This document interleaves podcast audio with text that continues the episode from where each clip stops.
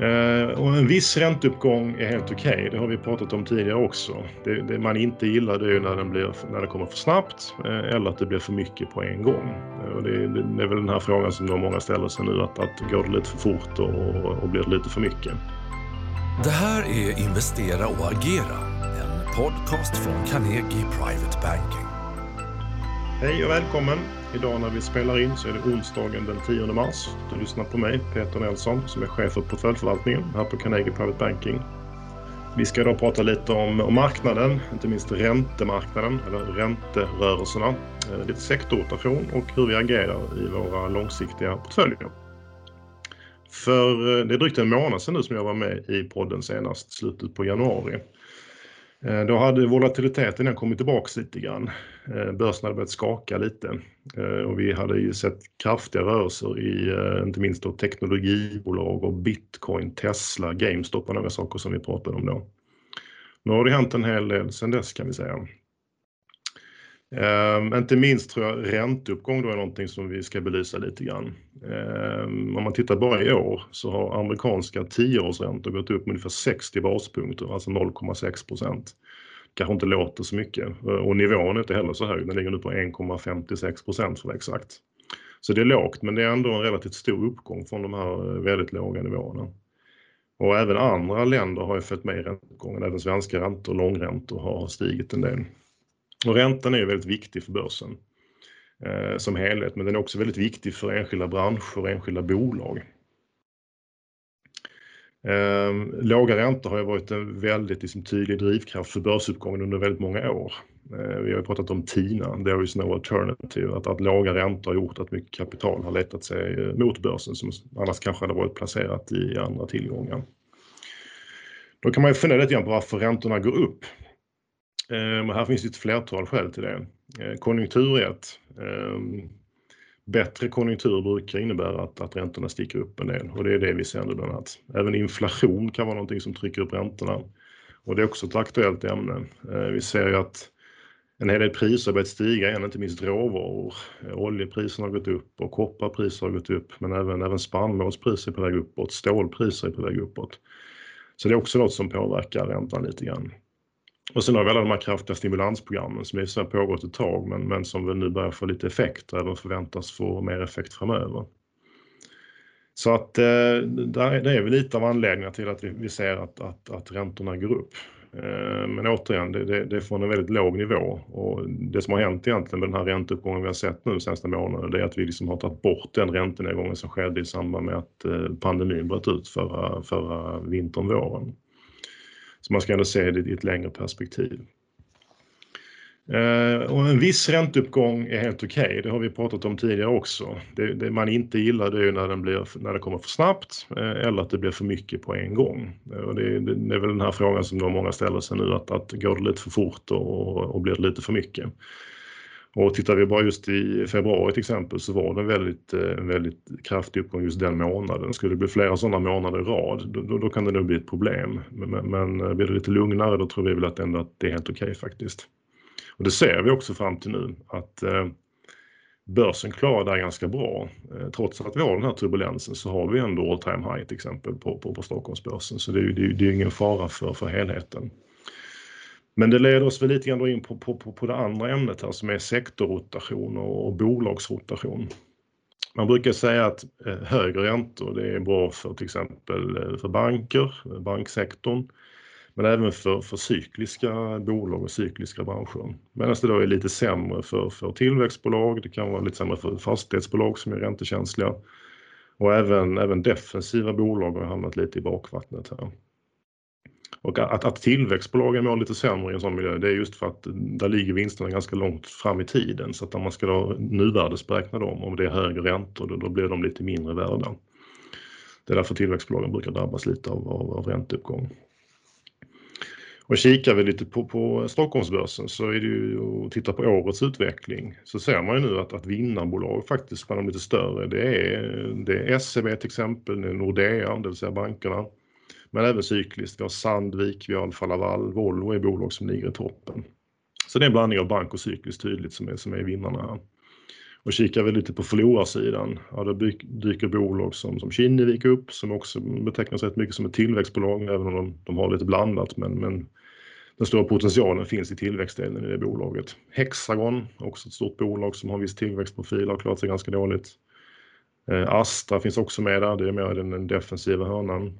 Och ser man de lite mindre bolagen så ser vi att, att eh, Sinch, eh, Lime, Mips, även dataspelsbolagen har nu på sista tiden ska jag säga börjat att vika ner efter att ha gått väldigt bra tidigare.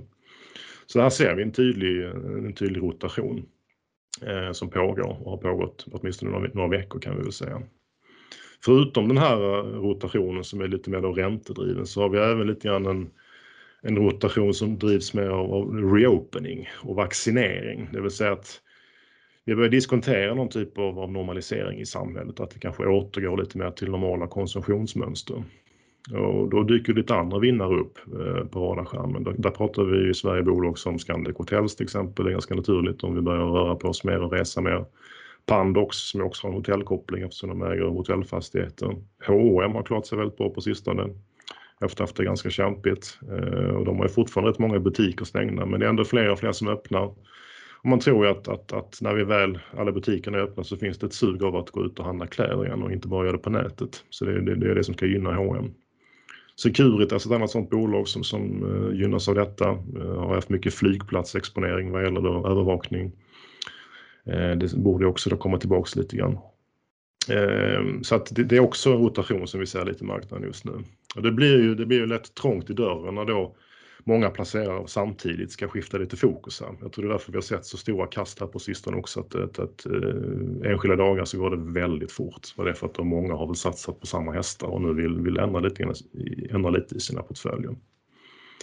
Och hur tänker vi här då, då? Ja, vi har ju för det första kan jag säga att vi har en rätt långsiktig syn i vår portfölj. Vi försöker inte ägna oss så mycket åt, åt daglig eller veckovis timing utan vi tänker gärna något år framåt här i våra portföljer. Och då som jag har nämnt och vi har nämnt någon gång tidigare så tycker vi att det är viktigt att ha en balans i portföljen. Vi satsar inte bara på eh, antingen på rött eller, eller svart här.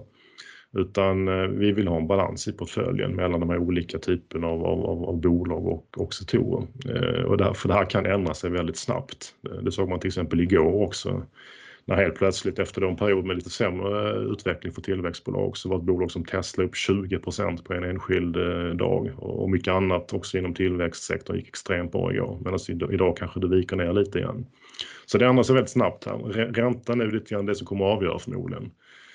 Jag kommer strax tillbaka till det, hur vi, vad vi tror om räntan framöver.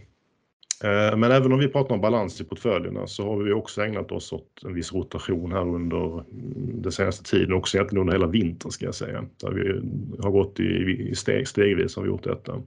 Vi har minskat lite grann på tech-exponeringen, framförallt den amerikanska tech-exponeringen som är väldigt gynnsam under förra året för portföljerna. Även vissa teman som vi har haft i portföljerna som är lite mer tillväxtorienterade har vi också dragit ner lite grann exponeringen mot kortsiktigt. Och istället satsat på sånt som är lite mer konjunkturkänsligt. Eh, I den svenska delen av portföljen så innebär det att vi har ju tagit in aktier som Autoliv, Boliden, vi har ökat inom bank också, framförallt SEB. Och sen tidigare har vi haft redan bolag som Sandvik och Volvo, Epiroc, Assa Abloy, sånt som vi då tycker passar in i den här eh, rörelsen mot mer cykliskt. Men vi har också behållit en del, eh, en hel del tillväxtrelaterat för vi tror att på lång sikt Eh, Eh, om vi då sträcker ut horisonten lite längre så vill man ändå ha sånt typ i portföljen. Eh, I en värld med lite lägre tillväxt, även om det just i år kan bli ganska hyfsad global tillväxt, så tror vi väl om vi tittar en fyra, fem år framåt eh, så kommer det vara en hyfsat låg tillväxt generellt sett. Och då är tillväxtbolag det som, som, som man ändå vill ha. Så det där är lite grann en timingfråga, vilken tidshorisont man jobbar med och vi har ju som sagt lite längre horisont och då vill vi ha kvar en hel del tillväxt också, så det har vi i portföljerna. I ränteportföljerna där handlar det ju mycket om att eh, hantera duration, det vill säga eh, vilken löptid man har på sina räntebärande instrument. Där har vi redan sedan tidigare en låg duration, det vill säga korta löptiden. Därför att om räntorna går upp då förlorar man pengar på, på, på långa obligationer, så det vill man inte ha just nu. Eh, så det har vi försökt att minimera innehavet i, eh, i våra portföljer. Sen kommer det ändå vara begränsad avkastning ska jag säga i ränteportföljerna framöver. Eh, där blir det, det blir svårt att skapa någon riktigt stor avkastning där men det funkar fortfarande som ett skydd i portföljerna för att för den tiden när börsen plötsligt viker ner eller ifall den gör det så det är lite av en försäkring. Samma sak med alternativen vi stänger. De klarar sig väldigt bra just nu tycker vi. Eh, tickar på sakta men säkert lite uppåt. Och där har vi ju valt framförallt strategier som är okorrelerade med börsen och räntan så att det, det lönar sig nu när, då, när då räntorna tickar upp lite grann. Och vad tror vi då om det här med räntan? Ja, kortsiktigt så pekar det ändå på att, att det här kan ticka på uppåt en bit till. Många trodde kanske att 1,5 procent på den amerikanska tioårsräntan var liksom en nivå som, som det skulle upp till. Nu har vi då lite grann passerat den redan. Va? Som jag nämnde var vi på 1,56. Och det finns väl mycket som talar för att det kanske kan börja röra sig upp mot 2% också. Eh, återigen, det är fortfarande ganska låga nivåer, eller väldigt låga nivåer i ett historiskt perspektiv. Men, men lite mer ränteuppgång kan vi nog se framför oss i takt med att vi, eh, samhället öppnar upp, eh, konjunkturkurvorna fortsätter att peka uppåt. Men, och det vill jag nog poängtera, det, det, så länge det beror på en bättre konjunktur, bättre ekonomi, att företagen mår bra, det ser vi väldigt tydligt i alla bolagsrapporter och vi har mer normaliserat samhälle, och ekonomi framför oss så tycker vi ändå att i grund och botten det är positivt. Därför har vi också fortsatt en övervikt på aktiemarknaden. Vi tror att aktier är bättre än räntor, både på, på, på kort och på lite längre sikt. Så parera, eh, parera portföljen så gott det går för de kortsiktiga slagen men ändå behålla den positiva eh, långa grundsynen. Det är lite så vi, vi jobbar just nu. Ehm, så det var väl en sammanfattning över hur vi ser på läget just nu. Tack för att du har lyssnat. Du vet väl att den här podden finns på både Spotify och iTunes? Om du tyckte det här avsnittet var bra får du gärna ge oss ett betyg eller rekommendera podden vidare.